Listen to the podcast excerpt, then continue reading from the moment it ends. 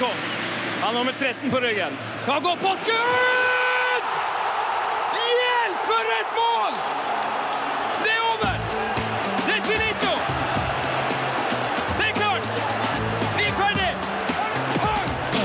Heia fotball med Sven Biskår Sunde og Henning Rå. Heia fotball! For en utrolig fin jingle du har funnet fram, da, Sven! Jo, er ikke den ganske fin?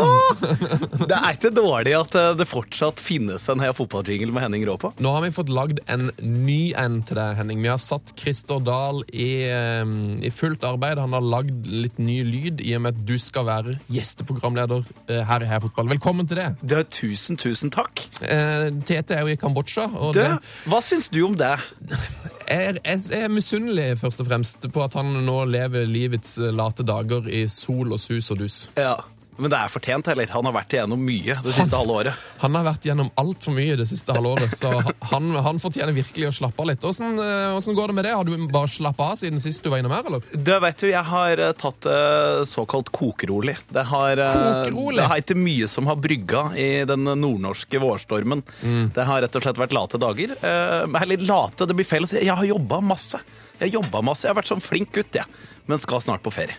Hvor skal du på ferie? Det vet du, jeg skal til uh, Jeg holder fast. Irland. Irland. Irland! Det vet du, Av alle plasser i verden så skal totningen til Dublin. Det blir gøy for han. Det, det blir bra. Inn til storbyen. Jeg lurer på om jeg overlever, jeg. Hva skal du gjøre i, i Dublin? Skal du sende fotball, eller? Det vet du, Hvis det lar seg gjøre, så håper jeg å få med meg en fotballkamp eller to. Eh, Men uh, jeg er primært invitert uh, sammen med en gjeng kompiser for å spille NM i poker, faktisk. I Irland, ja, stemmer det. Ja, ja, ja. Det er både, både innenlands og utenlands, det Hvor- tullet der, vet du. Men hvorfor Ok, ja. Heldigvis, heldigvis har vi besøk av en politiker eh, som gjest i så kanskje han kan forklare oss hvorfor NM i poker spilles i eh, Irland. For det har jeg enda ikke helt forstått. Ja, men de har nok gitt oss lov hjemme òg, skjønner du. Det der er nok bare pokergjengens initiativ. Nei, men hvis, de hadde, hvis vi hadde fått helt lov hjemme, så hadde vi jo, så hadde de jo ikke hatt dette her NM i, i Irland. Nei, det er sant. Det er sant. Og der kan vi spørre om. Ok, Velkommen, Henning. Skal vi ta imot dagens gjest, eller har du mer på hjertet? Du vet du, Jeg har masse på hjertet, men det sparer vi til gjesten. Ok, Da kjører vi show. Eh, Heia fotball, og velkommen til det.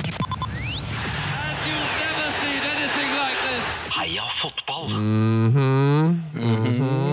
Eh, ukas gjest eh, det er altså en mann med mange talenter, Henning.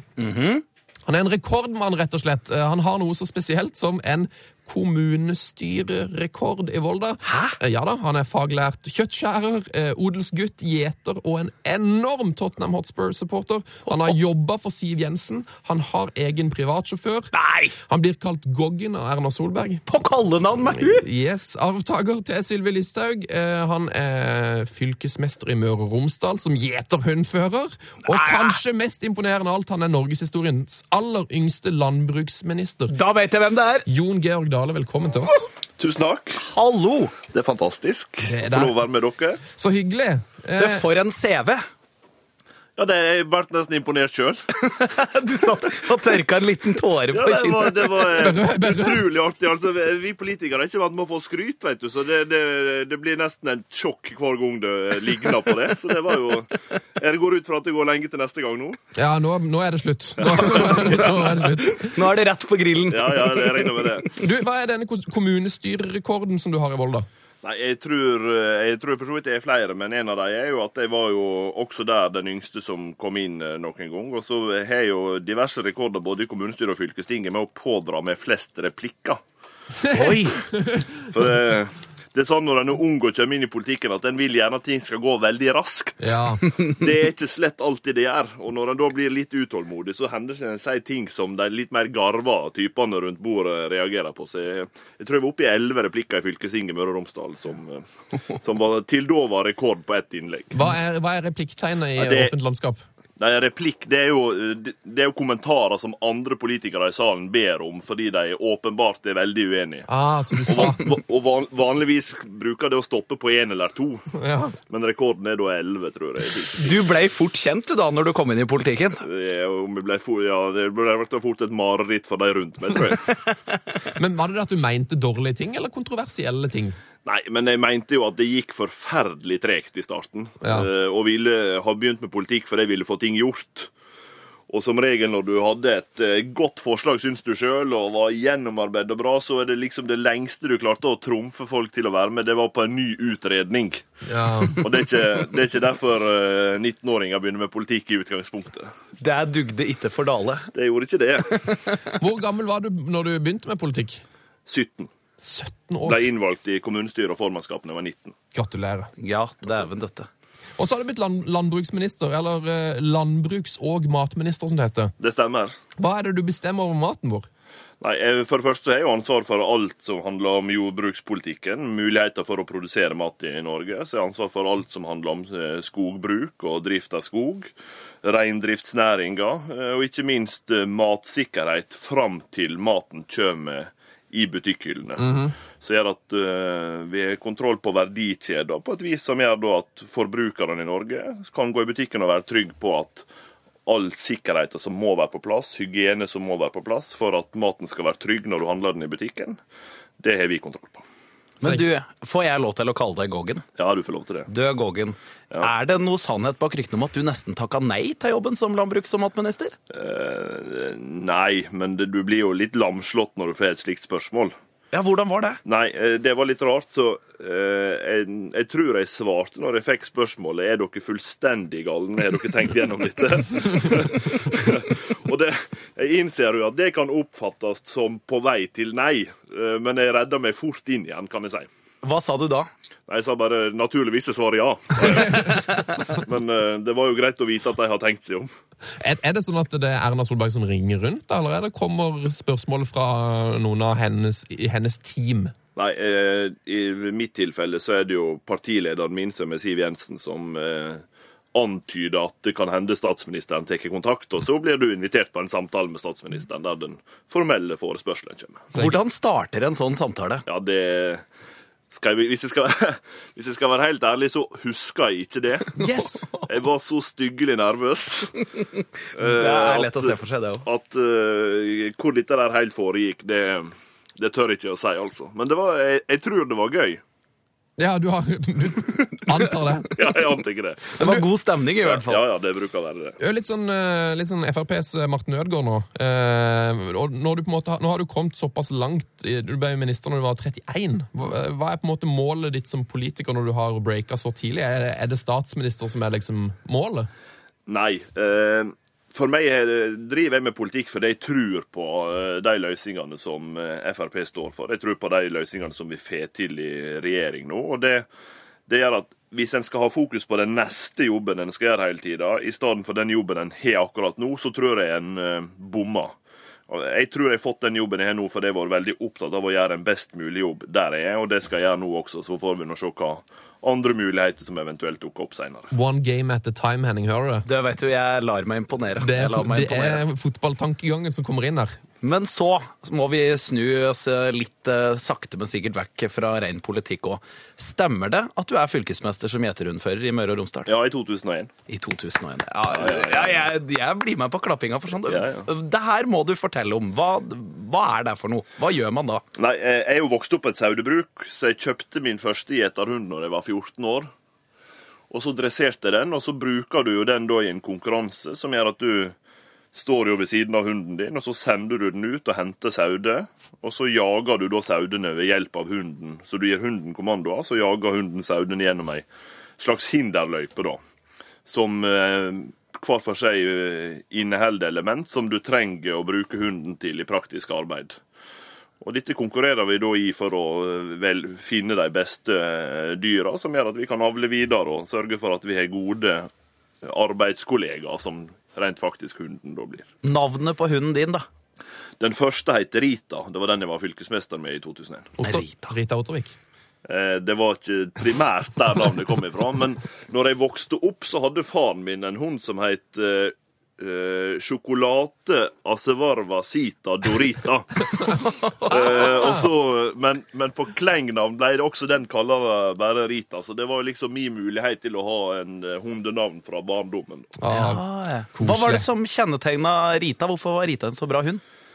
Eller bra gjeterhund? Eh, først og fremst ekstremt lettlært. Eh, og en behagelig hund å jobbe med, og det gjorde at det ble dette, høres jo veldig rart ut for folk som ikke har sett det, men det ble et tillitsforhold mellom eh, meg som hundefører og hunden på den ene sida. Men det andre tillitsforholdet som oppstår, er jo mellom hunden og sauene som den jager. Og det er viktig for å få dette bra til. Ja, hvordan, kan, kan du forklare litt hvordan den kommunikasjonen mellom det og hunden foregår? Er, er det plystring eller klapping eller fløyte? I i de fleste tilfeller nå så bruker en hundefløyte der en har ulike retningskommando. Høyre, venstre, dekk, stå, jag på. Eh, Hva er forskjellen på høyre og venstre? Ja, det er den samme som det er for deg. Hvis du får beskjed om å gå til høyre, så er det en fordel hvis du går til høyre og ikke til venstre. Så det er jo en retningskommando. Ja, men hvordan, er, det to, er det to blås eller langt blås? Nei, det, det er individuell opplæring. sånn at de fleste hundeførere har jo da ulike lyder som de sjøl er komfortable med å bruke. Ah. Og de som er virkelig gode og som driver med det ennå, de jobber jo gjerne med flere hunder samtidig. Og gjerne med ulike kommandoer til begge hundene, da, så du kan kommandere to hunder med Så du er dobbelt sett av kommandoer i praksis. Og det, nei, det er eventyrlig fascinerende. Har du fått eh, bruk for eh, noe av det her i politikken, eller? Klarer du å gjete velgere i, i den retningen du føler? Det, jeg tror det er farlig å både kalle velgere og Du har ikke hatt med konkurrenter hundefløyte på Stortinget? Nei, altså, å definere både velgerne og andre politikere som saude, det tror jeg skal være forsiktig med. Eh, men, men det jeg har lært av det, det er jo at eh, samarbeid ofte lønner seg. Og hvis en klarer å få det godt til, så hjelper det også i politikken. Fått spør lytterspørsmål fra Kaspar Birdsong, kaller han seg på Facebook. Jeg lurer på om kanskje du kjenner han så vidt, for han, eh, han hadde iallfall noe info på det her. Men han sier hvordan omsetter han sine skills som gjeterhundfører til fotballbanen? Er han en kapteinstype? Jeg skulle ønske jeg kunne svare ja på det, men jeg er på fotballbanen, og jeg er nok sjøl en høyre benk-type. Høyrebenk! Ja. Høyrebenk. Ja. Så du har ikke hatt noe sånn uh... Du er den som prater på benken, rett og Ja, slett. ja det er det er korrekt. Altså, vi, når vi har sett filmklipper senere tid av han keeperen som sto og åt på benken Jeg, jeg frykter at jeg havna i den kategorien. ja, hvor, hvor langt tok du for fotballkarrieren din, da? Jeg slutta når jeg var på fem, i 15-16-årsalderen. Og etter det så har det vært mest på fjernsyn. Ja. Og så spiller jeg da supportercupen til, eh, i supportercupen til Supporterunionen for britisk fotball da i hvert år prøver på. Så du holder deg litt aktiv på, på fotballbanen? Tottenhams venner har tre lag hatt siste åra. Det, det er det laget som bruker å vinne turneringa. Og så er det det andre laget som bruker å gjøre det godt. Og så har vi det såkalte publaget. Og der er du, eller? Der er jeg innbytter. Når du er utpå, hva, hva kjennetegner deg som fotballspiller, hvis du måtte si noen ord om det? Manglende koordinering, eh, litt for lav fart eh, og litt for høyt mot. Å, det høres ut som en fotballspiller jeg vil ha på bedriftslaget mitt. Jeg, jeg har lyst til at du skal spille på laget mitt. du vil i hvert fall ikke spille mot, for det ender med noen forferdelige taklinger i periode. Hvor på banen var det du spilte mest, da? Nei, det var veldig i hovedsak i backrekka. Eh, Men nå, nå sist sesong, så eh, i supportercupen, så eh, ble jeg plutselig keeper, for vi fikk en skade. Og det var jo mm, veldig enkelt, for jeg har jo blitt så stor i denne bransjen her at en eh, må nesten kle på seg målet, så jeg var jo nesten tett bakover i den kampen. Oi, oi, oi. Ja, ja, så det, jeg tror jeg har funnet mitt nye talent. Keepertalentet fant ja, du i, høy alder. Det er korrekt. det ble jeg tror det er litt seint å satse. Det ble noen TV-redninger. Ja, det, det var å ta i, men eh, det ble noen redninger i hvert fall. Er Ikke noe vits å satse. Du har, virker som du har så mye annet på gang. Ja, jeg har- noe å styre med. Um, vi tar flere lytterspørsmål. Uh, Geirmann spør uh, hvem i politikken snakker du fotball med? Ja, det er jaggu et godt spørsmål. Ehm, Det er jo for så vidt mange. Eh, Jeg snakka jo en del med nåværende fylkesmann i Hedmark, Sigbjørn Johnsen, som var finansminister under forrige regjering. Sigbjørn, så klart! Han er jo Tottenham-supporter, Det har jeg hørt rykter om, for så når jeg møter jo han, så blir det jo litt fotball. Ehm, Og så jobba jeg jo for Ketil Solvik-Olsen, som er samferdselsminister det første året vi satt i regjering. Og han er jo Hadde jeg visst det, så hadde jeg antagelig ikke takka ja, men han er jo Arsenal-supporter. Oh. Oi! Og det er jo ja. Det liker ikke du. Nei. Eh, og så har jeg jo eh, diverse kollegaer som eh, av en eller annen villfarelse havna ut som Liverpool-supportere. Så jeg har jo, jeg har jo å stri med. Ja, det, det skjønner jeg, da. Om, omgås du mange Leopold-supportere? er Altfor mange, antagelig. Ja. Åssen er, er det dagen etter et, uh, Et kamp 2-0 mot- et mot- 2-0-tap. Ja. Det er fryktelig bittert. Er det sånn at de da flånte rundt med drakt og skjerf og Nei, pins og sånn? eh, du, eh, det er pussig du spør om det, fordi jeg var, når jeg var statssekretær i Samferdselsdepartementet, så satt jo Bård Hoksrud på nabokontoret mitt. Så vi var jo kollegaer. Og så tapte Tottenham for Liverpool. Og så dagen etterpå hung der et Liverpool-skjerf over døra mi. Det gjør han aldri igjen. Hva skjedde? Hva gjorde Nei, du? nei, jeg tror han skjønte bare at det var åpenbart feil tidspunkt. jeg, trenger, jeg trenger tre dager å liksom komme meg til igjen på. Det tror jeg flere og flere har. Av de jeg omgås regelmessig, i hvert fall har innsett. Så det bruker å gå seg til. Men åssen er, hvordan er liksom Jeg har ikke noe inntrykk av at det er den helt store fotballinteressen på tinget sånn generelt. Har Stortinget et bedriftslag? Finnes det noe sånn noe politikercup, eh, litt sånn som supporterunionen har, eller? Nei, altså, I regjeringsapparatet har vi jo, har jo embetsverket en del slike cuper. Og de uh, spiller jo fotball av og til i, i gymsalen på Stortinget også. Eh, og der er nok en god del stortingsrepresentanter med fotballinteresse, men det er nok de fleste politikere vil jo helst være kjent for den jobben de gjør, og ikke bare for eh, fotballinteresser. Så det kan jo hende det legger en demper på enkelte. Men hvem er det man finner der, av de navnene som folk har hørt om? Hvem er det man finner i, i gymsalen som spiller litt fotball? Nei, jeg har jo spilt noen ganger med Hekki Holmås fra SV, eksempel, som eh, er et råskinn i gymsalen. Eh, Han er vel kanskje den fremste sånn åpenbart av de mest kjente som, eh, som er der eh, regelmessig. Han er ivrig. Ja, han er, jo, han er jo like kjapp i beina som han er i kjeften. vet du. Det, for en bergenser så sier jo det litt om tempoet på føttene. Hvem er det du savner i gymsalen, da? Er det noen du syns burde plukka på seg i fotballskoa og spilt litt mer? Nei, det, Når jeg veit om eget ferdighetsnivå, så tror jeg jeg skal være forsiktig med å ønske meg noen til duell. For jeg tror, eh, tror det kan gå utover liv og helse. Eh, Du er, er Tottenham-fan. Ja. Eh, Virker som en ekstremt dedikert eh, fan. Reiser du på mye kamp og sånn? Ja, det er litt vanskeligere nå etter jeg ble landbruksminister, men før det har jeg de siste seks-sju åra i hvert fall prøvd å reise fire ganger i året til Ja, det er såpass, ja. Ja. Dæsken. Ja, da har du sett noen kamper. Eh, Åssen ble du Tottenham-fan? Ja, det det veit jeg egentlig ikke. Eh, Jeg hadde en onkel som er seks år eldre enn meg, bare, som eh, hadde eh, preferanse på Tottenham. Men det første jeg husker av fotball, egentlig, sånn virkelig husker, det er jo Italia 90. Av mesterskap. Eh, Før det så eh, veit jeg egentlig veldig lite. Men da eh, var jo Lineker eh, et åpenbart navn. Torstvedt var i Tottenham. Så jeg tror nok, hvis jeg, jeg peker på én faktor, så er det Torstvedt.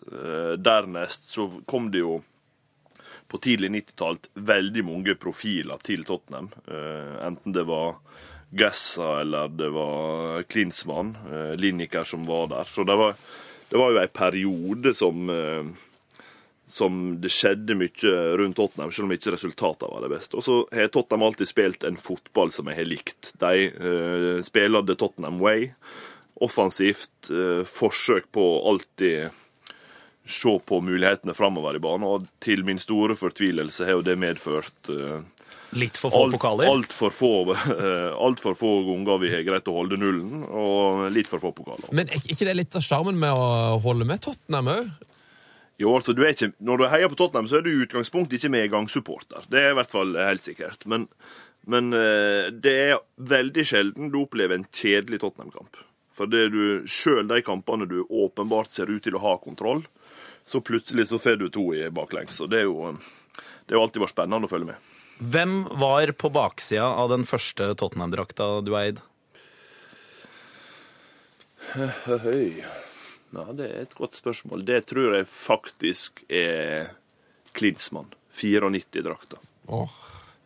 Har du den fortsatt, eller? Ja, eh, men den passer på ingen måte. Ja, det, Men den finnes. det ser ut som en sånn sports-BH. Er han også favorittspilleren, eller? Som har vært i Tottenham? Nei, det, det, det er fryktelig vanskelig å rangere, men, men hvis jeg skal peke på én, så er det jo Ledley King. Mm, selvfølgelig.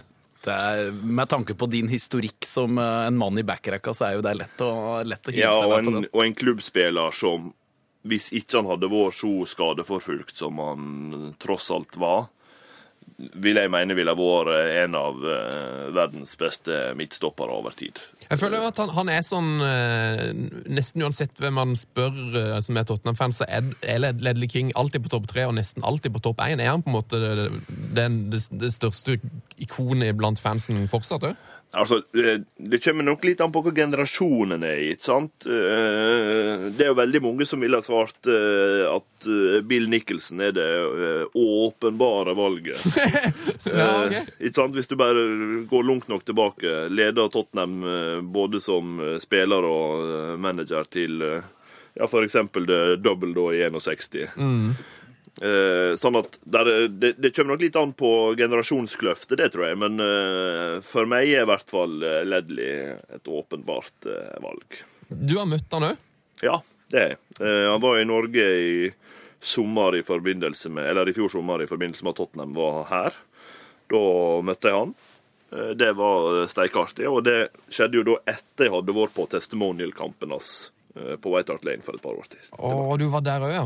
Ja, Hvordan blir eh, Goggen i møte med sine fotballhelter? Helt idiot. Full, full, Forklar, forklar. fullstendig evneveik. Eh, ikke evne å få fram et fornuftig ord. Eh, ble stående bare og mumle, så det var jo eh, Nei, det var jo nesten en pinlig seanse.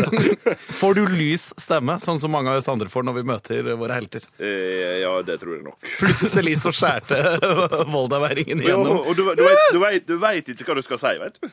Nei. liksom eh, tenkte yes, endelig, nå eh, møter du nå. Det blir jæklig bra. Og så kommer du der, og så Nei, det er ikke, det er ikke bra, vet du. Men du, på det, supportertreffet så møtte deg masse spillere. Var det sånn at du eh, bare sto og mumla, eller fikk, fikk, du noe, fikk du noen samtaler med noen av dem? Fikk Nei. du liksom lært noe, noe nytt om Tottenham som klubb? Eh, Det gjorde jeg nok ikke da, men jeg fikk snakka litt med enkeltspillere. Både med, med Harry Kane og Christian Eriksen, f.eks., som eh, tok seg litt eh, tid til det. Så det var jo, eh, det var jo en fantastisk opplevelse å få, få møte laget. Hadde du noen forberedte spørsmål som du liksom hadde tenkt på i forkant av den seansen her? Uh, nei, eh, jeg bruker altfor sjelden å ha forberedt meg på slikt. uh, dessverre. Jeg innså, det når jeg sto der og mumla at jeg burde ha gjort det. Uh, Du har reist mye over. Hvilken, hvilken tur husker du best? Første Arsenal-kampen jeg var på, eh, når vi vant 1-0, er jo åpenbart eh, jeg har, jeg har hatt billetter til Tottenham Arsenal to år eh, i forveien, altså to sesonger på rad, men av ulike årsaker ikke kunne ha reist på dem. Så reiste jeg, og så vant vi, vann vi 1-0 over Arsenal. Det var Jeg lurer på om det var i 2012? 13? 13 kanskje? Deilig. Hvor bananas gikk du på tribunen? Jeg gikk bananas både der og etterpå, egentlig. Det, det brukte jo et døgn på landet. Men eh, nei, det var eh, Det var utrolig artig. Og det er et eller annet med, med stemninga som er i forkant av kampene, spesielt mot Arsenal. eh, Som er, du bygger så ekstremt opp forventningene, og så er det så utrolig forløsende når en da eh, når en da putter og går av med seieren. Så det var eh, Jeg kan relatere så sjukt til den følelsen, for min første tur Jeg er United-supporter. Unnskyld for det. Ja, det- uh, Mr. er Spurs her. Takk. Og den første kampen jeg dro over til Balløya så, det var mot Liverpool på Old Trafford, og vi slo de ut av FA-cupen. Og det går ikke an å beskrive når du slår et lag du misliker så mye. Så utrolig lite. 1-0 ble det. Ja. Men eh, den andre store er jo eh, fjorårssesongen når vi møtte United. Jeg må komme innom det, da, på White Hart Lane. 3-0 på seks minutter i andre omgangen. Det var ikke så ille, det heller. For Der meg føler jeg at jeg i hvert fall er tilgitt for at jeg turte å ta opp mitt favorittherr. Eller takk skal du fader meg ha. Da går jeg, jeg, jeg. jeg, hadde, jeg, hadde egentlig tenkt å, jeg hadde egentlig tenkt å spare den, nemlig, men når du nå eh, åpner, Byr opp, ja. Når du nå åpner ballen, ja, så ja. tenkte jeg det er jeg tar den. Jeg tar den. Jeg tar den. Der kom, der kom politiske teften fram, vet du.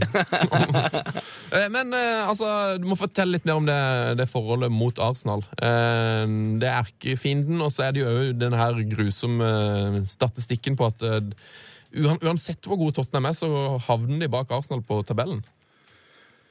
Ja, det er jo et mareritt. I fjor så det jo ut og, I fjor så gikk det jo på en måte, Ja. men folk glem, hvis man ikke fulgte egentlig så nøye med, så kom jo faktisk Arsenal forbi Tottenham helt på slutten der Ja, allikevel. jeg gjorde det, vet du. Det var jo Newcastle-kampen. Ja, Fysj og fei. Og ikke minst Chelsea.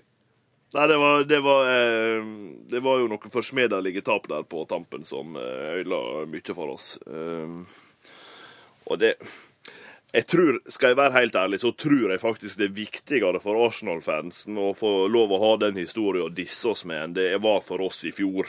Eh, Ganske enkelt fordi at vi hadde vært med så lenge helt i toppen. Og når det røk, så var på en måte litt eh, Litt eh, toppa dratt ut allerede. Men eh, det ser jo veldig lovende ut i år, da. De gjør det.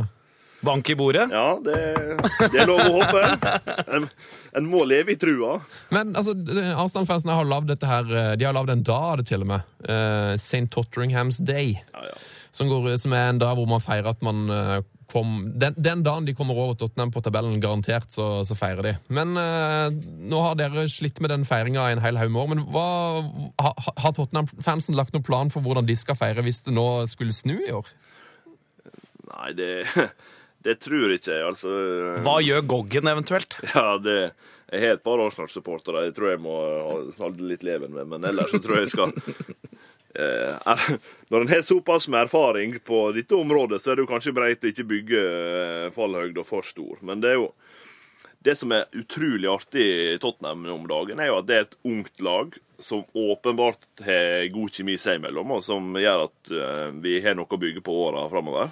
Så det eneste vi trenger nå, er jo at eh, Wenger signerer ny kontrakt og blir noen år til, så eh, tenker jeg dette ordner seg for de kommende åra. Da er det snudd for alltid, mener du? ja, det er lov å håpe. For, for du, er jo, du er jo et ledertalent og kan litt ledelse. og Nå har jo Tottenham fått inn det som veldig mange mener en veldig god leder. Han, Pochettino, hvor, hvor, hvor bra er han for Tottenham, tror du? Eh, han er en av de jeg har tatt feil av, rett og slett. Eh, jeg var veldig skeptisk når han kom. Hvorfor det? Nei, eh, jeg følte meg ikke trygg på at det var et eh, rett valg. Eh, og han hadde jo for så vidt gjort det brukbart i Southampton og før det i Spania, men, men eh, snakker dårlig engelsk. Eh, ikke framstår ikke som veldig karismatisk i eh, de første intervjuene. Litt eh, avventende skeptisk. Men, men når en ser for en kultur og for et lag han har bygd, eh, fått stabilitet på plass, i, spesielt i, i forsvaret og i midtbaneleddet, som gjør at det nå spillerne er samspilte, eh, fungerer godt i lag, kvitter seg med eh, folk som åpenbart lagde uro i, i stallen. Eh, Så er det åpenbart at, eh, for meg i hvert fall, at det er en eh, formidabel trener som Da- jeg tok feil av i inngangen. Da fortjente han å være med på profilbildet på Facebook. Eh, Det gjorde han. Har du han på Facebook-profilen? Ja, ja, ja. Det er jeg har stalka, jeg, vet du. Altså, Du har møtt han òg? Ja, han var jo, jeg møtte han også når han var i, var i Norge. Fantastisk. Ja, ja. Men vi har hørt noen rykter om et spesielt forhold til Roy Carroll. Ja, Kan du utdype det noe, hva det er vi har fått noen slags rykter der? spesielt forhold, ja, det tror jeg det er godt oppsummert. 4. januar 2005. 91, eller fra det 90. til 91. minutt. Tottenham eh, ligger, spiller uavgjort mot, eh, ligger uavgjort mot United. Pedro Mendes skyter fem meter fra eh, over midtbanestreken. Solid, rett i kassa bak P eh, Roy Carroll, som kaster seg inn. Får ballen slått ut igjen. Mark Lettenberg klarer å la være å dømme mål. Eh, skulle tro både han og linjemannen var blind. Eh, så etter det så eh, anstrengt forhold til både Roy Carroll og Mark Lettenberg, for å si det sånn. Er det her det punktet du var mest forbanna på kamp? Eh, den kampen så jeg hjemme i stua med mor mi. Uff. Eh, Tenn, ten tenn et lys for din mor. Ja, det eh, Jeg tror hun også husker dine episoder, for å si det sånn.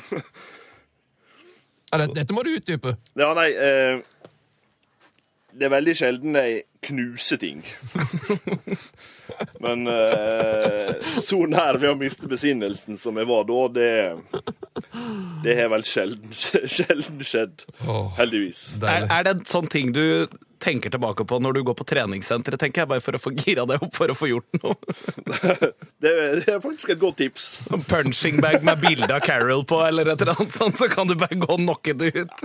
Hvis jeg skal nå være ærlig, så legger jeg vel eh, Klettenburg mer til last Ja. enn uh, Carroll Ja, det, sett. Men det er jo eh, ikke Carol sin skyld, for så vidt. nei, det, det lover å være en dårlig keeper. Men han kunne jo innrømt det, da. Kunne jo sagt at eh, den ballen var Men faktisk inne. eh, hvis vi skulle begynne å henge ut fotballspillere for at de prøver å berge poengene sine, så Ja, blitt en lang podkast. Ja, det har blitt det. Nei, vi sitter her lenge. Eh, tilbake til Stortinget. Det er jo utrolig gøy å ha en, en stortingsmann her. Em, og jeg har sett en video fra kontoret ditt, eh, og der har du et svært eh, Tottenham-flagg på veggen. Og det lurer jeg på, Er det egentlig Er det lov å, å, å gjøre det i sånn en flott og ver verdig bygning? Ja, nå har jo jeg kontor i regjeringskvartalet, så jeg sitter jo ikke i stortingsbygninga. Men jeg hadde flagget også når jeg var der. Eh, men uh, de, de, de kan, jeg kan vel si at de som har ansvar i departementet, var litt i stuss når jeg begynte å skulle ta ned diverse kunstverk for å henge opp eh, Tottenham-flagget. men eh, men en må klare å prioritere, altså. Og eh, skal, når en er jobber, jeg har en sånn jobb som jeg har nå, så er jeg ganske mye på kontoret. Og da må det jo føles litt eh, heimekoselig der. Så et eh, Tottenham-flagg og et uh, Ledley King-skjerf og et par drakter på bakrommet, det må være eh, helt innafor. Så det er lov. Jeg har vel egentlig ikke spurt, men eh, Ikke sant, ikke det, er ikke, det er ikke noen som har reagert veldig negativt. Det er ingen sånne snerpete folk som kommer innom kontoret, og så bare merker du at de er litt sånn jaså, jaså, ja, Nei, Altså. men det, det, det har hendt seg at når det har vært aviser som har hatt eh, intervju der for eksempel, og tatt bilder med, og så er det eneste du ser bak med et stort Tottenham-flagg, så er det vel enkelte som har stussa litt. Nei, jeg syns det, det gjør seg godt. Selv om det ikke er laget mitt. Men sett at eh, eksempel da, at det skulle skje at Tottenham vinner serien. eh, Eller en cup, eller ja, egentlig hva som helst, eh, Goggen. Kan, kan du da feire med å rett og slett løpe rundt i Tottenham-drakta di hvor som helst? Nei, eh, det, jeg tror Du får ikke fritak en dag da, liksom, av, eh, av folka rundt deg til å rett og slett bare Dø, det her er Goggen sin dag, la han holde på i den Ledley King-drakta si. Nå er jo heldigvis siste, siste serierunde er jo da i helga. Så jeg er jo litt friere da enn jeg ville vært en ukedag, men jeg tror jeg, jeg tror jeg skal være forsiktig med å bli observert når jeg eventuelt feirer et slikt gull. Men blir drakta under skjorta, da? Ja, jeg har jo, jeg har jo alltid drakter liggende på kontoret, sånn at hvis jeg sitter på kontoret og jobber, og så er det Tottenham-kamp på kvelden, eksempel, så har jeg jo drakt, så jeg skifter jo og går på Bohemen og ser kampen da. da. Fantastisk. Skjer det ofte? Ja, jeg ser de, Altså, hvis jeg er i Oslo, så ser jeg kampene på Bohemen. Ja, men tenk, det skjer det ofte at du Ja, for du jobber vel såpass mye at eh, det skjer vel ofte at du rett og slett eh, nå, Går, går fra jobb og dit, ja. Ja da, det skjer. Eh, vel, spesielt i disse, eh, hvis det er midtvekekamper eller mandagskamp, eller sånn, så er jo det veldig vanlig. Hvis det er i helgene, så prøver jeg å holde meg hjemme før jeg går på kamp og ser på. Så du planlegger arbeidsdagen litt opp etter eh, terminlista? Ja, ja. Det er så deilig å høre. Eh, men eh, det er jo litt sånn klesregler sånn på Stortinget. Ha, kunne du hatt lov til, hvis dere vinner FA-cupen i år, hadde du hatt lov til å ha på deg drakta som en, som en greie under dressen liksom, i, inne i stortingssalen? Er det lov? Nei, men eh, diskré slips er ingen som legger merke til. Tottenham-slips, ja, det er det som er the way to go, eller en liten Ja, ja. pinn eller noe sånt. Nei, ja, men eh, slips, det går så det suser. Tottenham-koppen din, da, Har du, har du den med inn i salen? Eh, Nei, det, i salen får ikke du lov å ha eh, drikke. Så det, Hæ? Ja, du må ha plastglass. Skal ikke knuse noe i stortingssalen, vet du, så der er det ordentlig. Men på kontoret er Tottenham-koppen. Det er godt å høre. Det er godt å høre. Hvor, hvor mange og mye sånne effekter er det du eier, eh, Gågen? I frykt for at hun som bor at vi hører på dette programmet, så bør jeg avstå fra å svare. Men eh, Nei, jeg, jeg har jo altfor mye, naturligvis. Det har blitt noe Tottenham-shopping. Ja, det ja, en 20-25 drakt og alle mulige andre klesplagg og flagg og skjerf og vimpler og ja.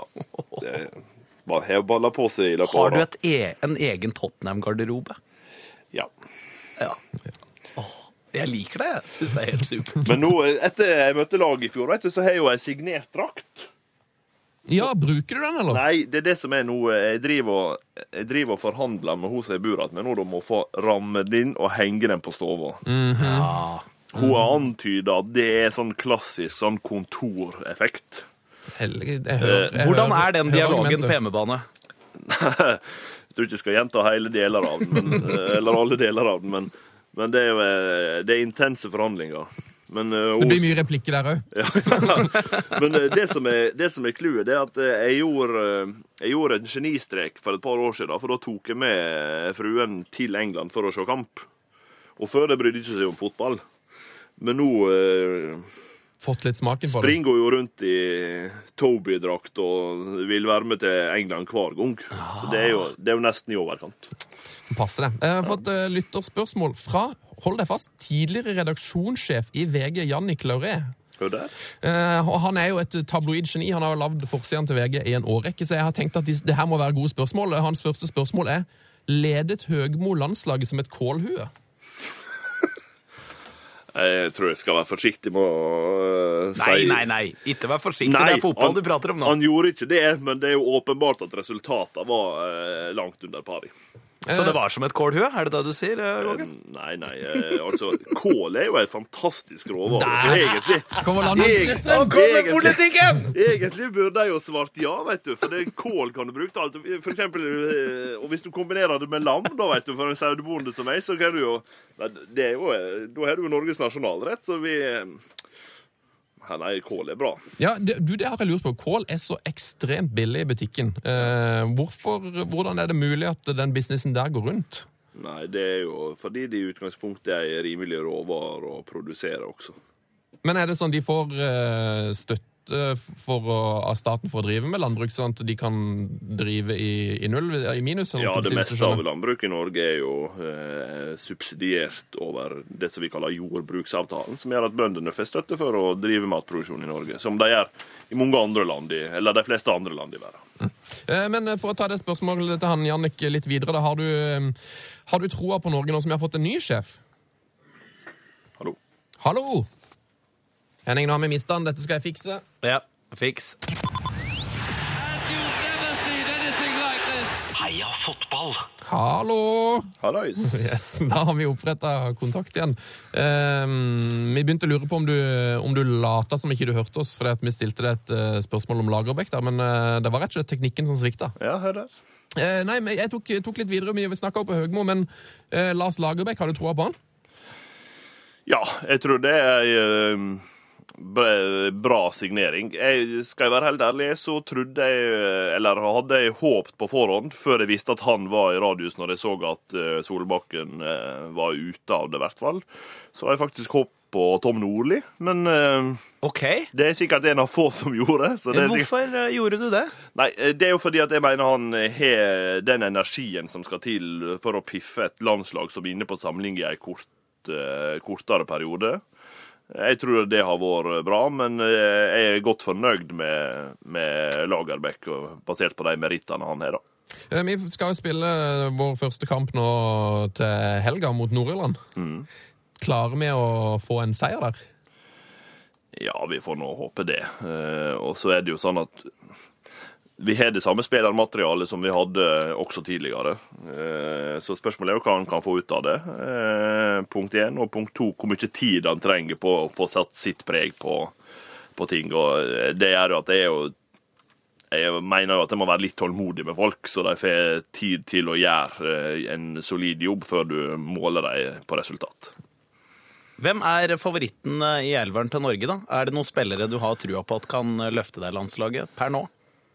Nei Som kan få en slags ny vår under Lagerbäck? Nå så vi vel at Stefan Johansen ble kaptein. Eh, Det tror jeg jo kan eh, være bra. Eh, Ellers så er jo åpenbart King i form.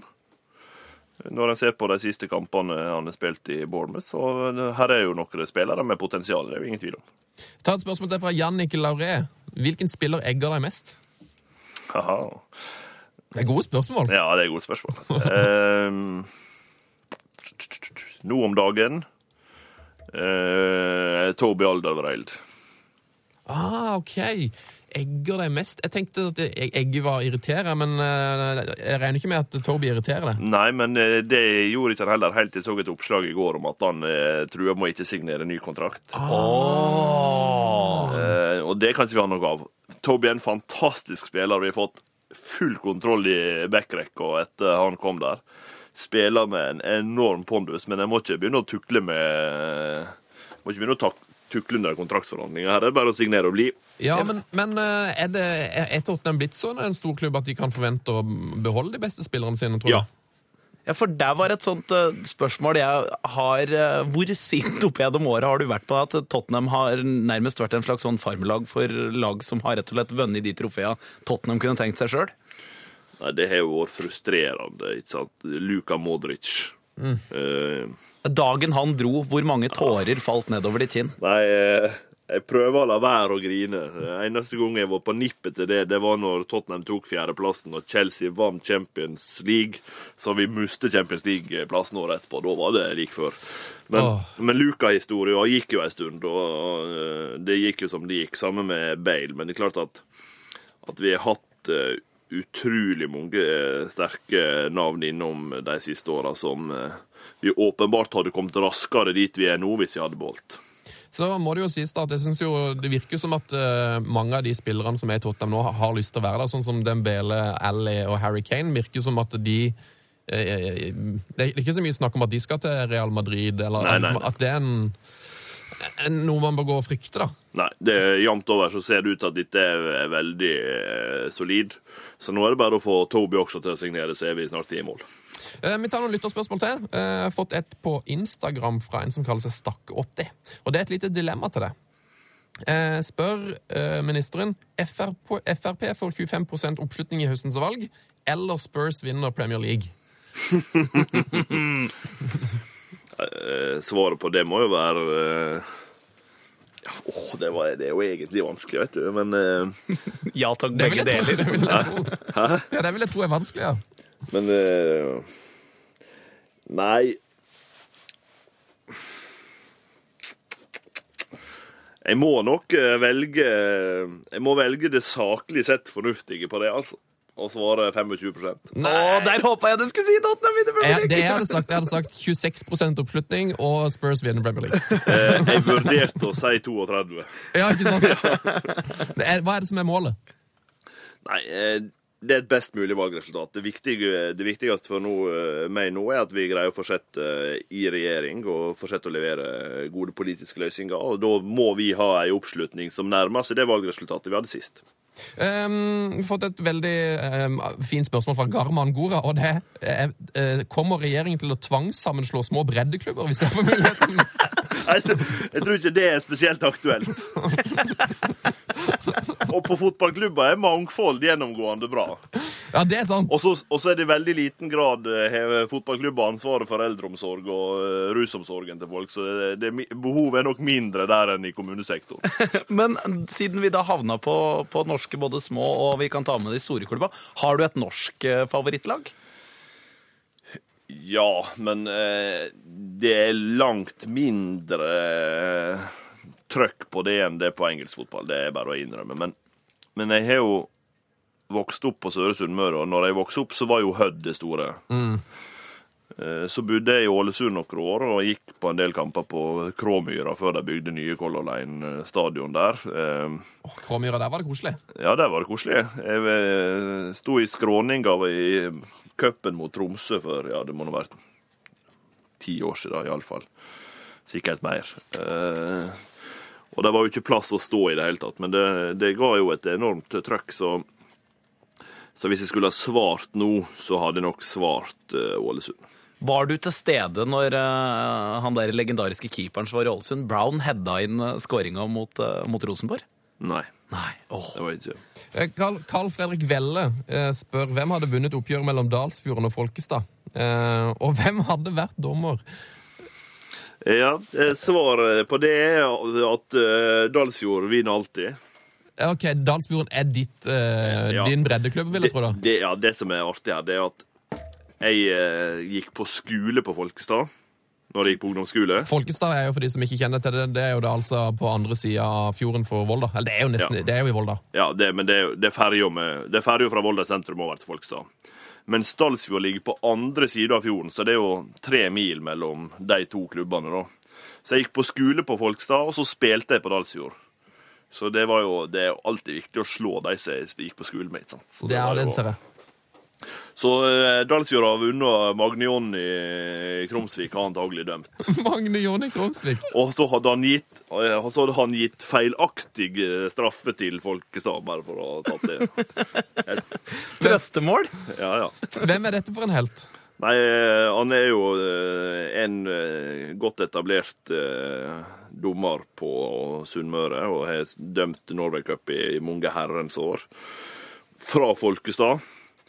Eh, Lokal patriot, og holder jo seg med skikkelige fotballag, da. Sånn, i hvert fall hvis du går til England. ah, han er- holder med riktig laget. Ja, ja, ja. Magne Jonny Krumsvik, ja. ja. Ba dommeren om å gå, skriver Vikabladet. Det gjorde han. Så det her er tydeligvis en eh, litt av en karakter. Ja, ja, ja, ja, ja, ja. Det er korrekt. Til din eh, politiske hverdag igjen, der er- jeg har mange undringer. Har du eh, egen privatsjåfør og skuddsikker bil nå som du er minister? Ja, vi- har egne folk som kjører oss når vi, når vi trenger det i arbeidssammenheng, ja. Og bilen? Bilen den kommenterer ikke av sikkerhetshensyn. Oh, nei!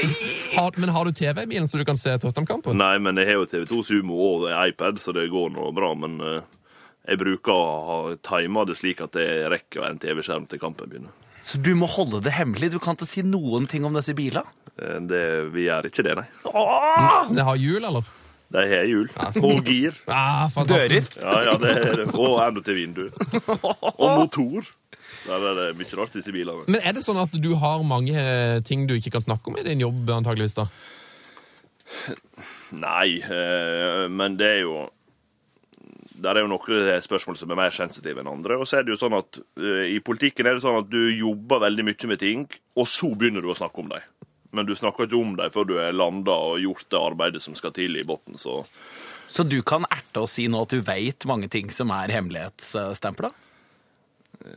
Ja, det tror jeg jo for så vidt at vi gjør, men øh, å drive og erte med det, det er, altså, det er, jo, det, det, er et, det er jo et visst ansvar i det også. Ja, men du må skjønne, Vi ser jo mye serie, vet du. Så for oss Ja. er det jo det her er jo, Ja, ja. Det, er jo her, det er jo den krukka her vi har lyst til å grave i. Folk, folk er helt ødelagt av House of Cards. Vet du. Ja, det er helt sikkert. Det er helt sikkert. Ja, deilig. Um, har du noen flere lytterspørsmål du vil innom, eh, Henning? Eller skal vi gå mot ukas drømmelag? Du vet du, Jeg er ganske fornøyd, altså. Jeg er ganske fornøyd. Mm. Det, er jo, det er jo et veldig festlighet fra Joakim Fjelle. Best i fotball av Per Sandberg, Bård Hoksrud eller Siv Jensen. Du, Det tror jeg, Den jeg ville hatt med meg på banen, er definitivt Per Sandberg. Ja. Ja, en, ter, en terrier i midtbaneleddet. Har du, har du opplevd eh, det på nært hold, at han spiller ball? Eh, ja.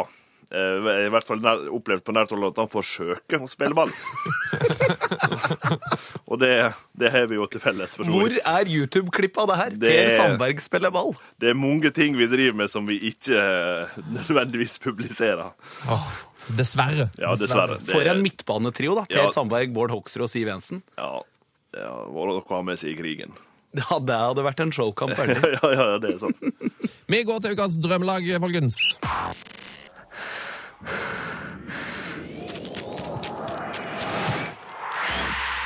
P3s Heia fotball med Tete Lidbom og Sven Biskår Sunde.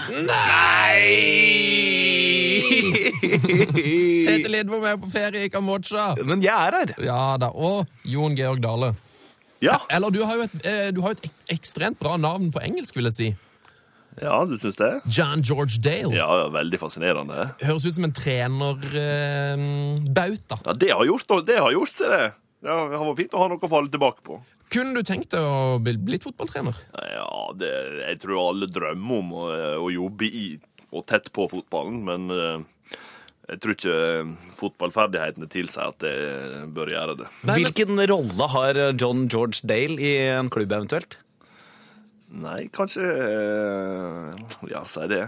Er du hovedmanager? Altså er du the main guy? Nei, men jeg, jo, jeg har jo hatt jækla lyst til det, vet du. Det, jo, jo. Jeg skal, hadde jeg fått sjansen, hadde jeg svart ja. Ja. Litt sånn som en ministerpost. Nettopp. Ja, for, men altså, det som eh, for, å, for å selge inn det som trener, da. Eh, I moderne fotball nå så blir jo, det, så blir jo trenerapparatene større og større. Og man ser jo sånn Luis Henrique snakkes det jo om at han snakker nesten ikke med spillerne engang. Han sitter, sitter på en måte bare som sånn manager, så, det, så bare delegerer han ting. Eh, og du har jo veldig mye god erfaring med det å være eh, sjef, da. Så jeg vil jo tro at du har mange kvaliteter som ville funka som trener. Det er jo lov å håpe, men altså, jeg, jeg tror jo at en, en er nødt til å skjønne hva en, en, må, en må ha kunnskap om det en skal drive med. Det er jo det, det er basic. Og deretter så tror jeg du er nødt til å ha litt engasjement, by litt på deg sjøl. Og jeg tror at de trenerne som lykkes nå, er de som klarer det, å kombinere de to ferdighetene. Ja, absolutt, men føler du ikke at du har litt av det i din jobb? da? Dere må jo sette opp lag der òg, og, og bruke folk der de er best. Og... Men du, du kan ikke invitere en sunnmøring til å drive med sjølskryt. Vet du, det tar ikke seg ut på radio. Det går ikke! vi, vi liker det jo så godt vet du, at det framstår som fullstendig usympatisk hvis vi først begynner på den galeien. Nei, Da skal vi la deg slippe. Men uh, du skal få lov til å skryte litt av dine favorittspillere i verden. Vi har bedt dem om å ta med et drømmelag. Hva slags, eh, hva slags drømmelag er det du skal servere til oss? Det er et eh, omfattende lag med eh, brei erfaring fra Tottenham. Det er mye Tottenham-spillere. Ja, ja, det blir fort det. Fantastisk. Men det er plass til en og annen eh, outsider på benken. Deilig. Eh, har du gått for noen eh, Har du en favorittformasjon du har satt opp her, eller? Jeg har valgt en klassisk eh, 4-4-2. Det er en 4-4-2. Det er godt å høre. Ja. Vi begynner bak, eller? Ja, hvis du ikke skal begynne på benken, så Vi kan godt begynne på benken. Ja, vi må begynne med manageren. Ok. Bill Nicholson. Bill Nicholson. Bill Nicholson. Han kan ta med seg Pochettino som assistent og Martin Joll som førstelagstrener. Altså så John George Dale i en Ja, eh, ja, ja, I en sånn hengerolle. ja, ja. Materialforvalter og mer. Oppmann. Harry når ikke opp. Hæ? Harry når ikke opp. Nei, er ikke det? Hvorfor ikke det? Nei, eh, jeg mener jo at eh, det vi ser av Pochettino nå, er ekstremt lovende. Det beste vi har sett på veldig mange år. Bill Nicholson, mest suksessrike manageren vi har hatt. Og så syns jeg jo at eh, perioder under eh, Martin Joll ga et veldig godt grunnlag, og han er en av de som vi fort glemmer de siste 15 åra, som jeg mener har gjort en fantastisk jobb i Tottenham. Nydelig. Eh, keeper, da? Torstvedt. Å, han får umiddelbart plass. Yes. Hugo Loris, glem det. Eh, Ja. Eh, Torstedt er jeg, eh, hovedgrunnen til at jeg heier på Tottenham, tror jeg. Og da er det et eh, solid førstevalg. Eh, da tar vi forsvarsrekka. Da begynner vi med Gareth Bale på venstrebekken. Hvordan føles det å si det?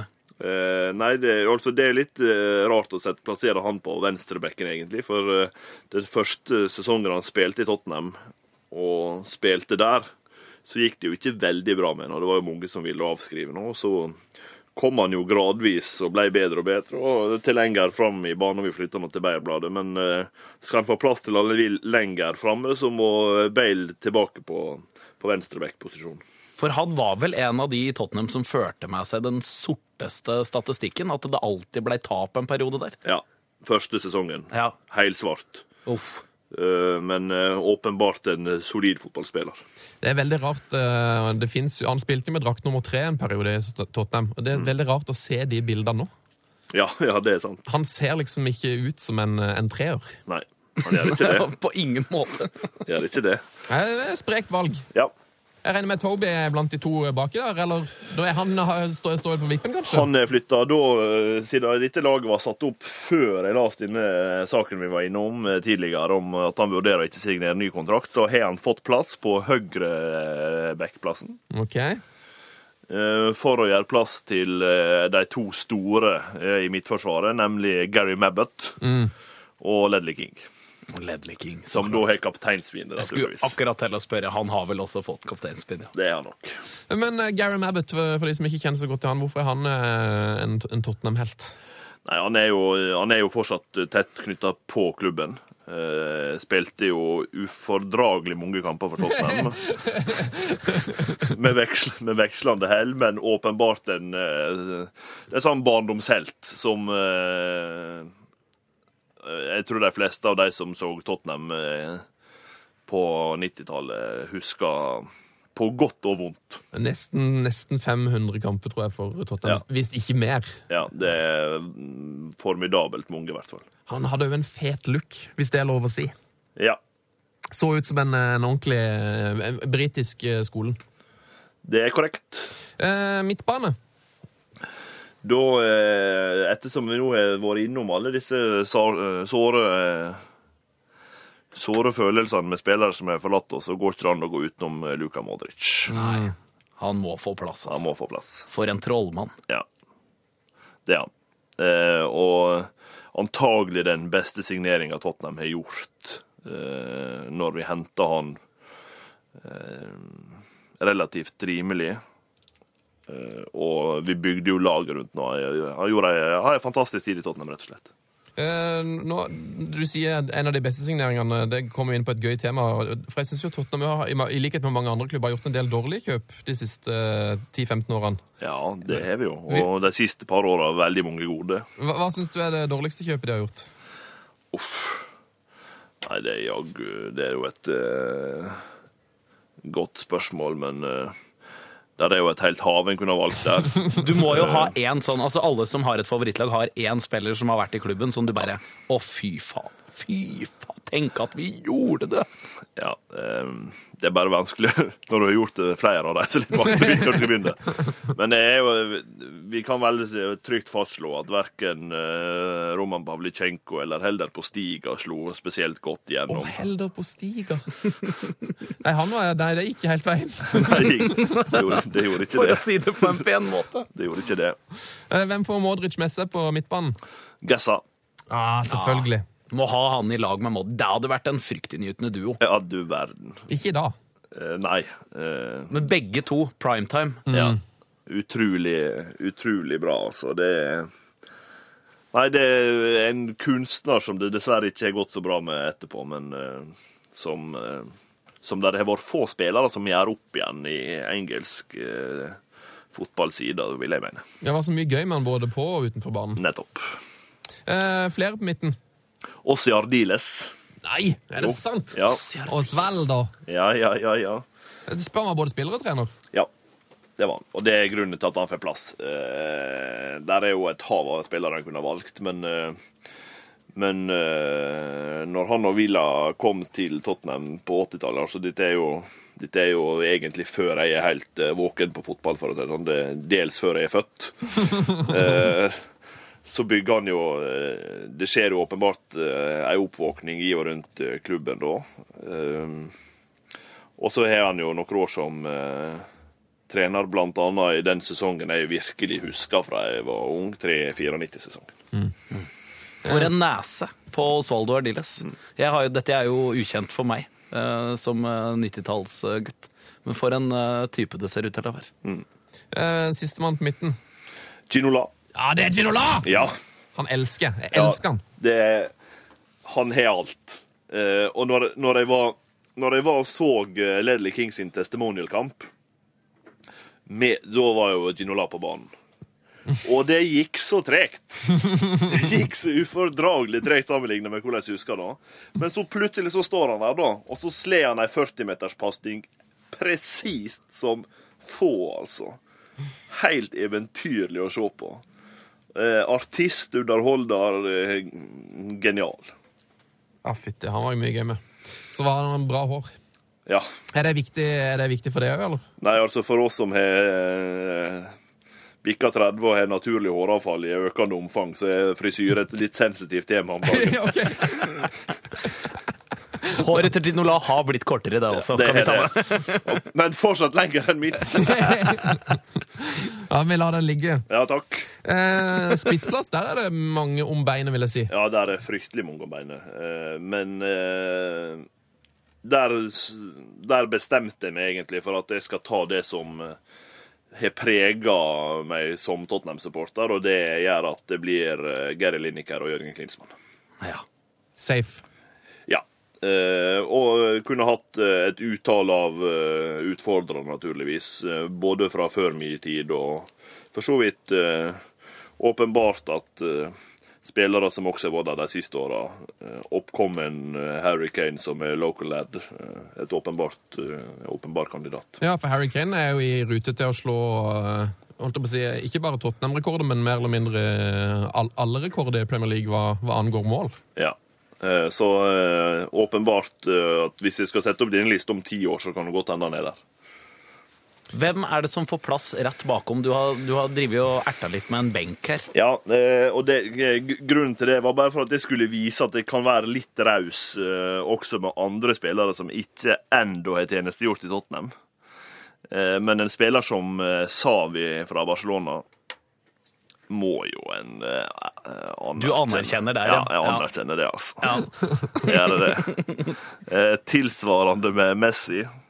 Ja, Ja, det er vanskelig å gå rundt, veit du. Det, det krever litt eh, Det er bra du har tre i trenerapparatet, der, for jeg tror det krever litt å sette han på benken eh, uke etter uke. Uh, ja, det er det, men eh, det er, greit. det er viktig å ha friske bein som Ja, kan komme inn, vet du. det er sant. Det, det er liksom logikken her.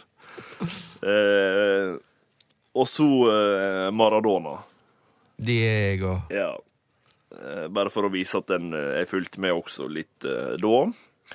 Eh, og så stjerner fra eh, en del eh, VM som, EM og VM som en har sett Eller unnskyld, VM som en har sett eh, opp igjennom, med i Georgia Haji. Mm.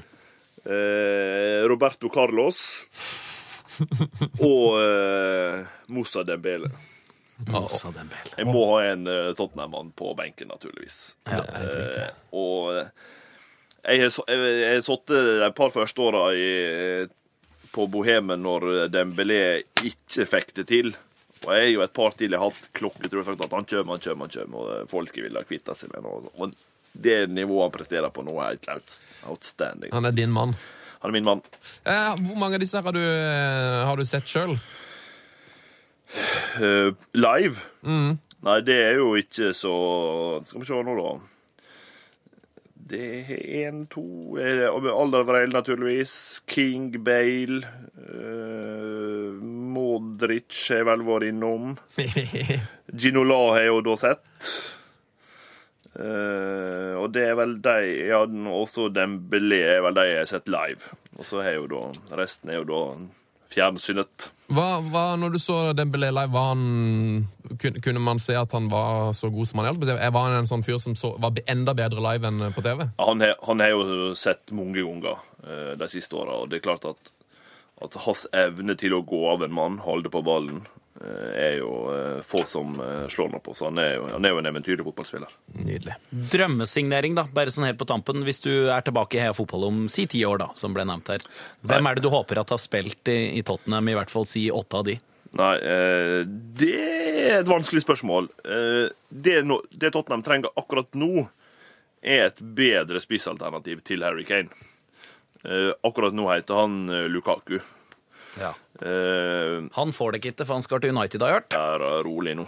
uh, men, men dernest så, så er jo det som jeg er mest fornøyd med med Tottenham nå den siste tida, er jo at spillere som uh, Ellie, Rose, Walker, som har kommet tidlig og bygd seg en posisjon i laget, er jo det som på mange måter nå gjør at vi har en eh, kjempefin dynamikk i klubben. Sånn at viktigere enn hva vi kjøper nå, er å fortsette å bygge klubb. Eh, Harry Winks er jo en eh, oppkomling som åpenbart er et, et neste steg på, på den veien. Så vi har jo Spennende spiller. vi må, vi må begynne tidlig, få tak i unge folk, og la dem de få sjansen. Nydelig. Det er var et fint uh, Det er en fin tankegang for alle fotballklubber egentlig, å, tenke litt mer den veien der. Bygge opp uh, unge folk istedenfor å alltid måtte kjøpe. Yes. Eh, og Tottenham eh, vi har jo gjort mange dårlige kjøp, som du var inne på siste året. Og vi har gjort noe veldig gode, men vi har jo brukt ufattelig lite penger da. Hvis du ser på balansen inn-ut sammenlignet med andre klubber som tar mål av seg og kjemper i toppen. Ja, de er vel eh, omtrent uh, best i Premier League. Ja. Det er en omtrent balanse. Så det, men eh, det kan man vel takke både Gareth Bale og Daniel Levy for. Det lever jeg er jo strålende forretningsmann. Eh, Jon Georg Dale, jeg vet at du er en busy mann, og at du til og med har skyva på en masse avtaler for å få lov til å få tid til å komme innom her, så vi blir nødt til å slippe deg av gårde. Men det var veldig hyggelig at du kom innom. Det var veldig kjekt å få være med. Så bra. Stor stas. Stor, stor stas. Ja, dette kan vi gjenta. Ja, så bra. Ja. Og så Ses på Bohem. ja, n- vi, vi, kom, vi får bare komme på Bohem på neste Tottenham-kamp, så er vel sjansen en sånn 80 for at du er der, vil jeg tro. Ja, Bortsett fra at neste, det er jo da 1. april. Ja. Da er jeg dessverre på jobbreise, men deretter går ikke glipp av mange flere denne sesongen. Det er godt. Så vi kommer og plager deg. Ja, det er fint, det. Sett noe, eh, sett noe øl på, på stortingskontoen din. Ja, det, det får gå. Det får gå! Sett det på ministeren! Strålende. God helg og heia fotball. Likså. Hei, hei. Og syng med! Steinkjer, Steinkjer, Steinkjer. Ingen som vi, sånn fotballag som vi. Og gå nå på, så skal vi sjå. Ingen kan slå SJFK!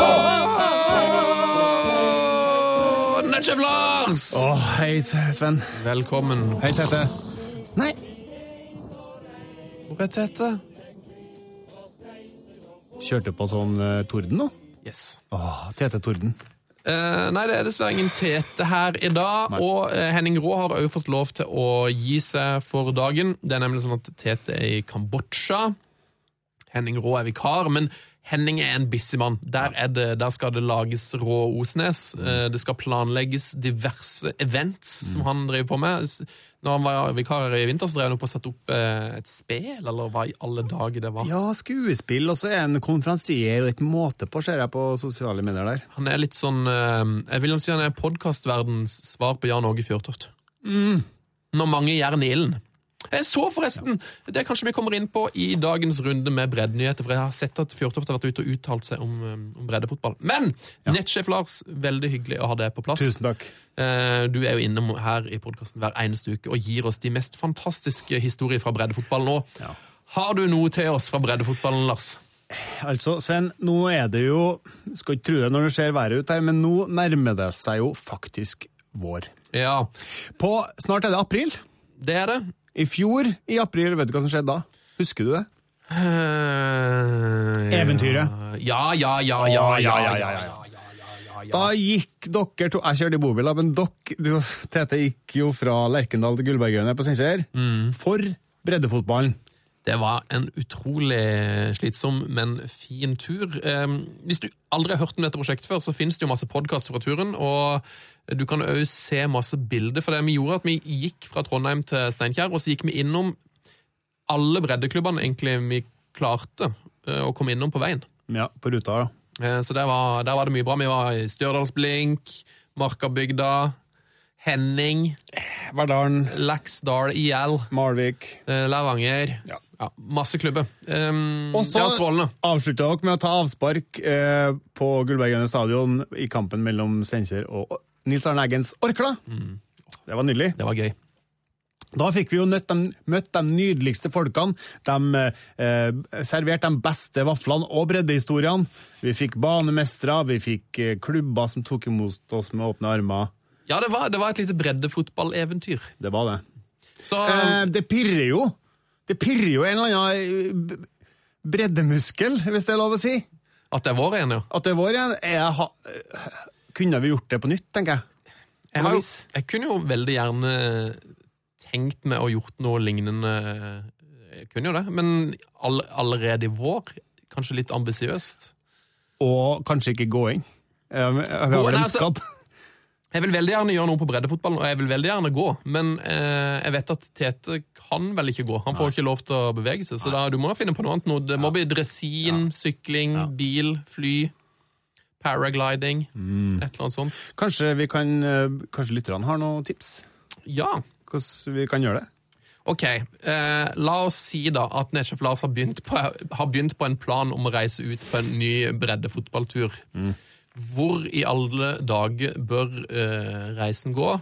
Ja, da trenger vi ditt tips. Ja. Har du noen historier? Um, hvem skal vi besøke? Hvordan skal vi gjøre det, ikke minst? Har Har, ja, ja, har du en uh, fotballtrener som har, vært, uh, som har vært uh, trener i klubben din i 35 år, og som fortjener en liten hyllest, send oss gjerne et tips hvis dette skulle skje. Vår e-post, uh, Lars, det er Heia fotball, alfakrøll, nrk.no. Mm, mm. mm. men vi kan Du er jo, du er jo nettsjef, org- org-sjef. Er det sånn at du er Sier du at du kanskje er i gang med et prosjekt, eller? Nei, det ligger i bakhodet. Det blir ikke helt spikra, men det hadde jo vært gøy da, så hvis vi får input og eh, motivasjon fra lytterne, så er jo det bare pluss, tenker jeg. Da er det jo stør sjansen større. Eh, Si at dette hadde vært et prosjekt. Hvor stort budsjett har vi? Hvor langt kan vi reise? Nei, det vet jeg ikke ass. Ennå nei, men vi kan jo i teorien reise hele landet. Ok, Så vi kan, Kanskje en annen landsdel enn Trøndelag, da, det vi gikk sist. så vi kan reise til Stavanger, eller vi kan reise til Fredrikstad, eller vi kan reise til eh, Nordkapp. Ja. Lofet, Lofoten. Det er fett, da. Lofet er kjempefot. Jeg tar gjerne en tur til Lofoten. Um, har du en breddeklubb du er veldig glad i, uh, har du en historie som du uansett mener at uh, vi bør fortelle om, så send oss altså gjerne tips med uh, e-post heiafotballkrøllalfa.nrk.no. Og du har, vet jeg, Netchef Lars, fått inn breddehistorie denne uka her òg. Ja da. Vi har, vi har, først så har vi jo tenkt jeg skulle snakke om et, eh, en liten tweet fra Jesper Mathisen her. Ja. som ble posta i går her på Twitter. Tung dag på jobben for U17-laget til Syrianska. ja, jeg så det der. Legg med et bilde da fra oppgjøret. Eh, Åtvida Berg, da, som eh, var hjemmelaget, U17-laget, vant 30-0 over Syrianska. Det er jo Går det an? Det går jo nesten ikke an. Hva er det som har skjedd? Um, ja, hva er det som har skjedd? Det lurte jeg òg på. Eh, Jeg fikk noe hint fra noen behjelpelige lyttere på nettet som sa at det var et eller annet med at syrianske hadde mm, Det var noe at de hadde brukt De sparte noen spillere eller noe sånt. Så de hadde spilt med veldig ungt lag. Ja. Men um, jeg syns allikevel ikke det er god nok unnskyldning for å tape 30-0. Og det er jo, vi merker oss en, eh, en eh, målskårer her, han har jo åtte. Noak Hurtig. Noak Hurtig, ja. Eh, Han skåret jo et hurtig hat trick her, ser jeg. Var Han skåret jo faktisk eh, nesten tre hat tricks. nesten tre triks, ja. Åttrek. Åtterikk, ja. Ja, han skåret i det 62., 63. og 65. 65. minutt. Oi. Det er hurtig. hurtig. Det er greit. eh, liten, eh, lite svar fra Cato på Twitter her. Eh, altså, 12-0 til pause er vanligvis en farlig ledelse. Her har de taklet presset. det er greit å melde. Jeg ser at de hadde et eh, skarpt innbytte mot slutten der. Ah, Theodor Skarp! Mm. Han spilte kanskje hele kampen, så han skårte det i det 30. minuttet. Theodor Skarp skårte iallfall tre mål på slutten. Så han, er- han er skarp mot slutten. Det er strålende, Sjef Så Har du mer fra bredden? Ja da, mer rekorder. Vi har fått et, eh, en e-post fra eh, Ola Kristian Høstland. Hei, Ola Christian Høstland. Halla. I'm a Høstland, baby. Breddenyhet fra 2005. Fra 2005. Hva er det såpass, ja? Nyhet fra, fra 2005. Skal jeg bare begynne å lese? Ja. Hei, jeg har ingen breddenyhet, men en liten skrytebreddenyhet fra 2005 som jeg fikk fiska opp fra fotball.no. Um, det her Det her er smalt, ser jeg.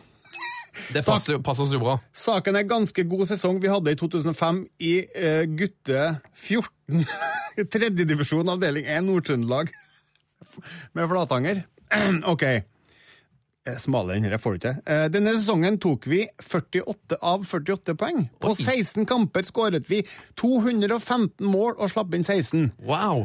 I tillegg skal det sies at to kampene ble vunnet på walkover og satt til 0-0. Eh, Så 215 mot 16 mål da, på 14 kamper. Eh, Vår største seier var på 35-0 mot Steinsdalen.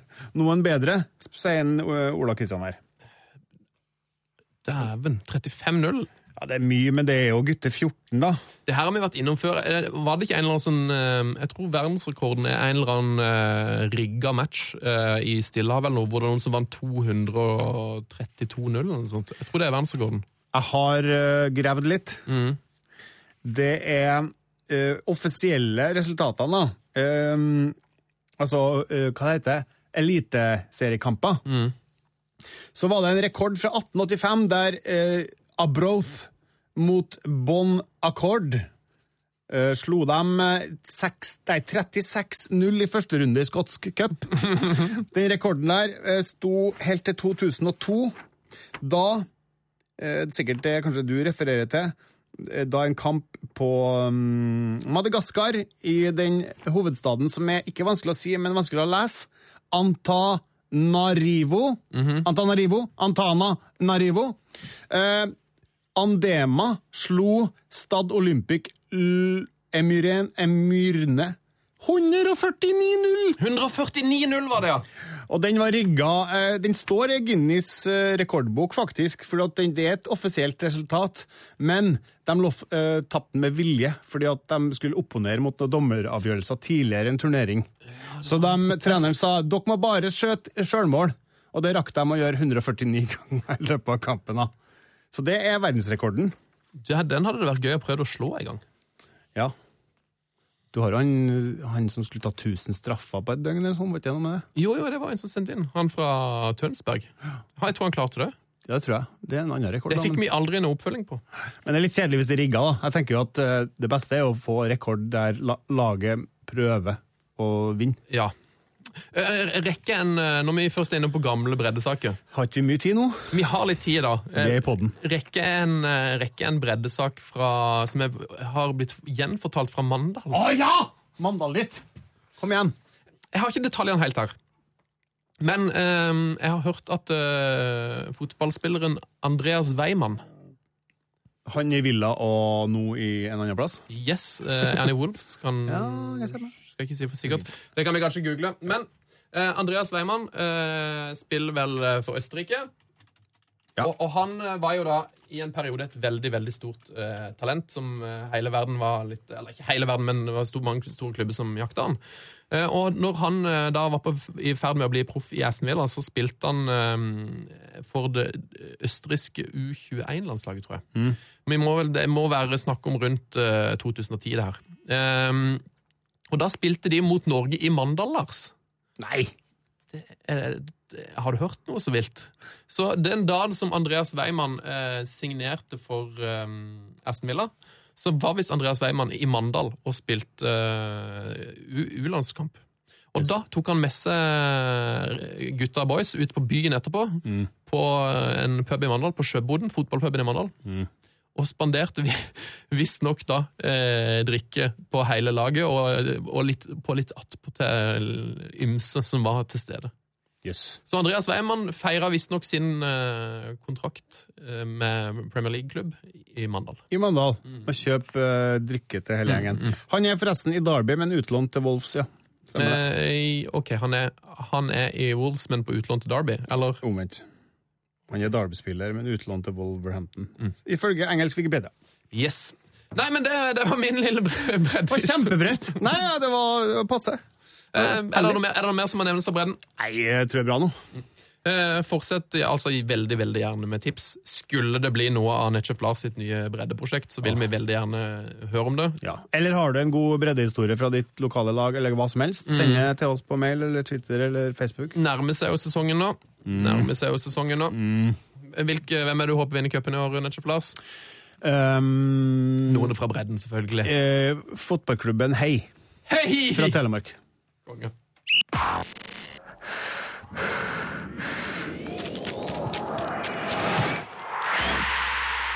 P3s Heia fotball med Tete Lidbom og Sven Biskår Sunde. Og Netchef Lars, og ikke Tete.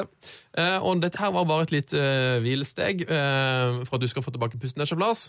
Nå er det straks klart for uh, vår mest kjente spalte. Vet du hvilken spalte det er? Har det noe med et, en Har det noe med Glory å gjøre? Yes. Ah! Shit.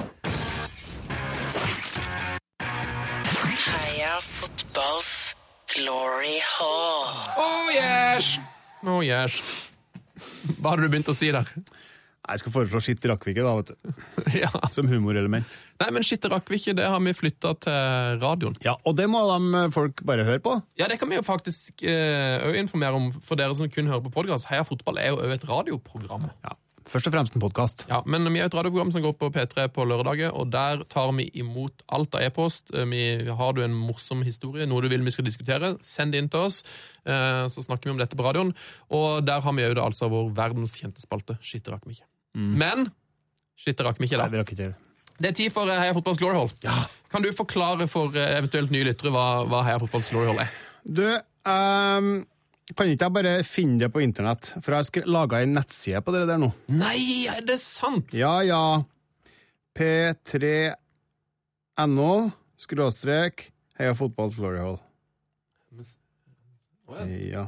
Jo, for at i introen der så er det veldig fint skrevet av ø, oss, da. Skal jeg bare si det? Heia Fotballs Glory Hall er en spesiell hyllestklubb, en samling legender Jeg fant ikke sida når jeg prøvde å skrive Heia Fotballs Glory Hall. P3NO, skråstrek Heia strek fotball strek glory strek hall. ah, Heia strek Nå Google både indekser litt kjappere her. Nei. Nei. Ok, Skal jeg bare si det, da? Heia Fotballs Glory Hall er en spesiell hyllestklubb, en samling legender på en egen planet, i en unik melkevei gjennom et sort hull i det fjerne.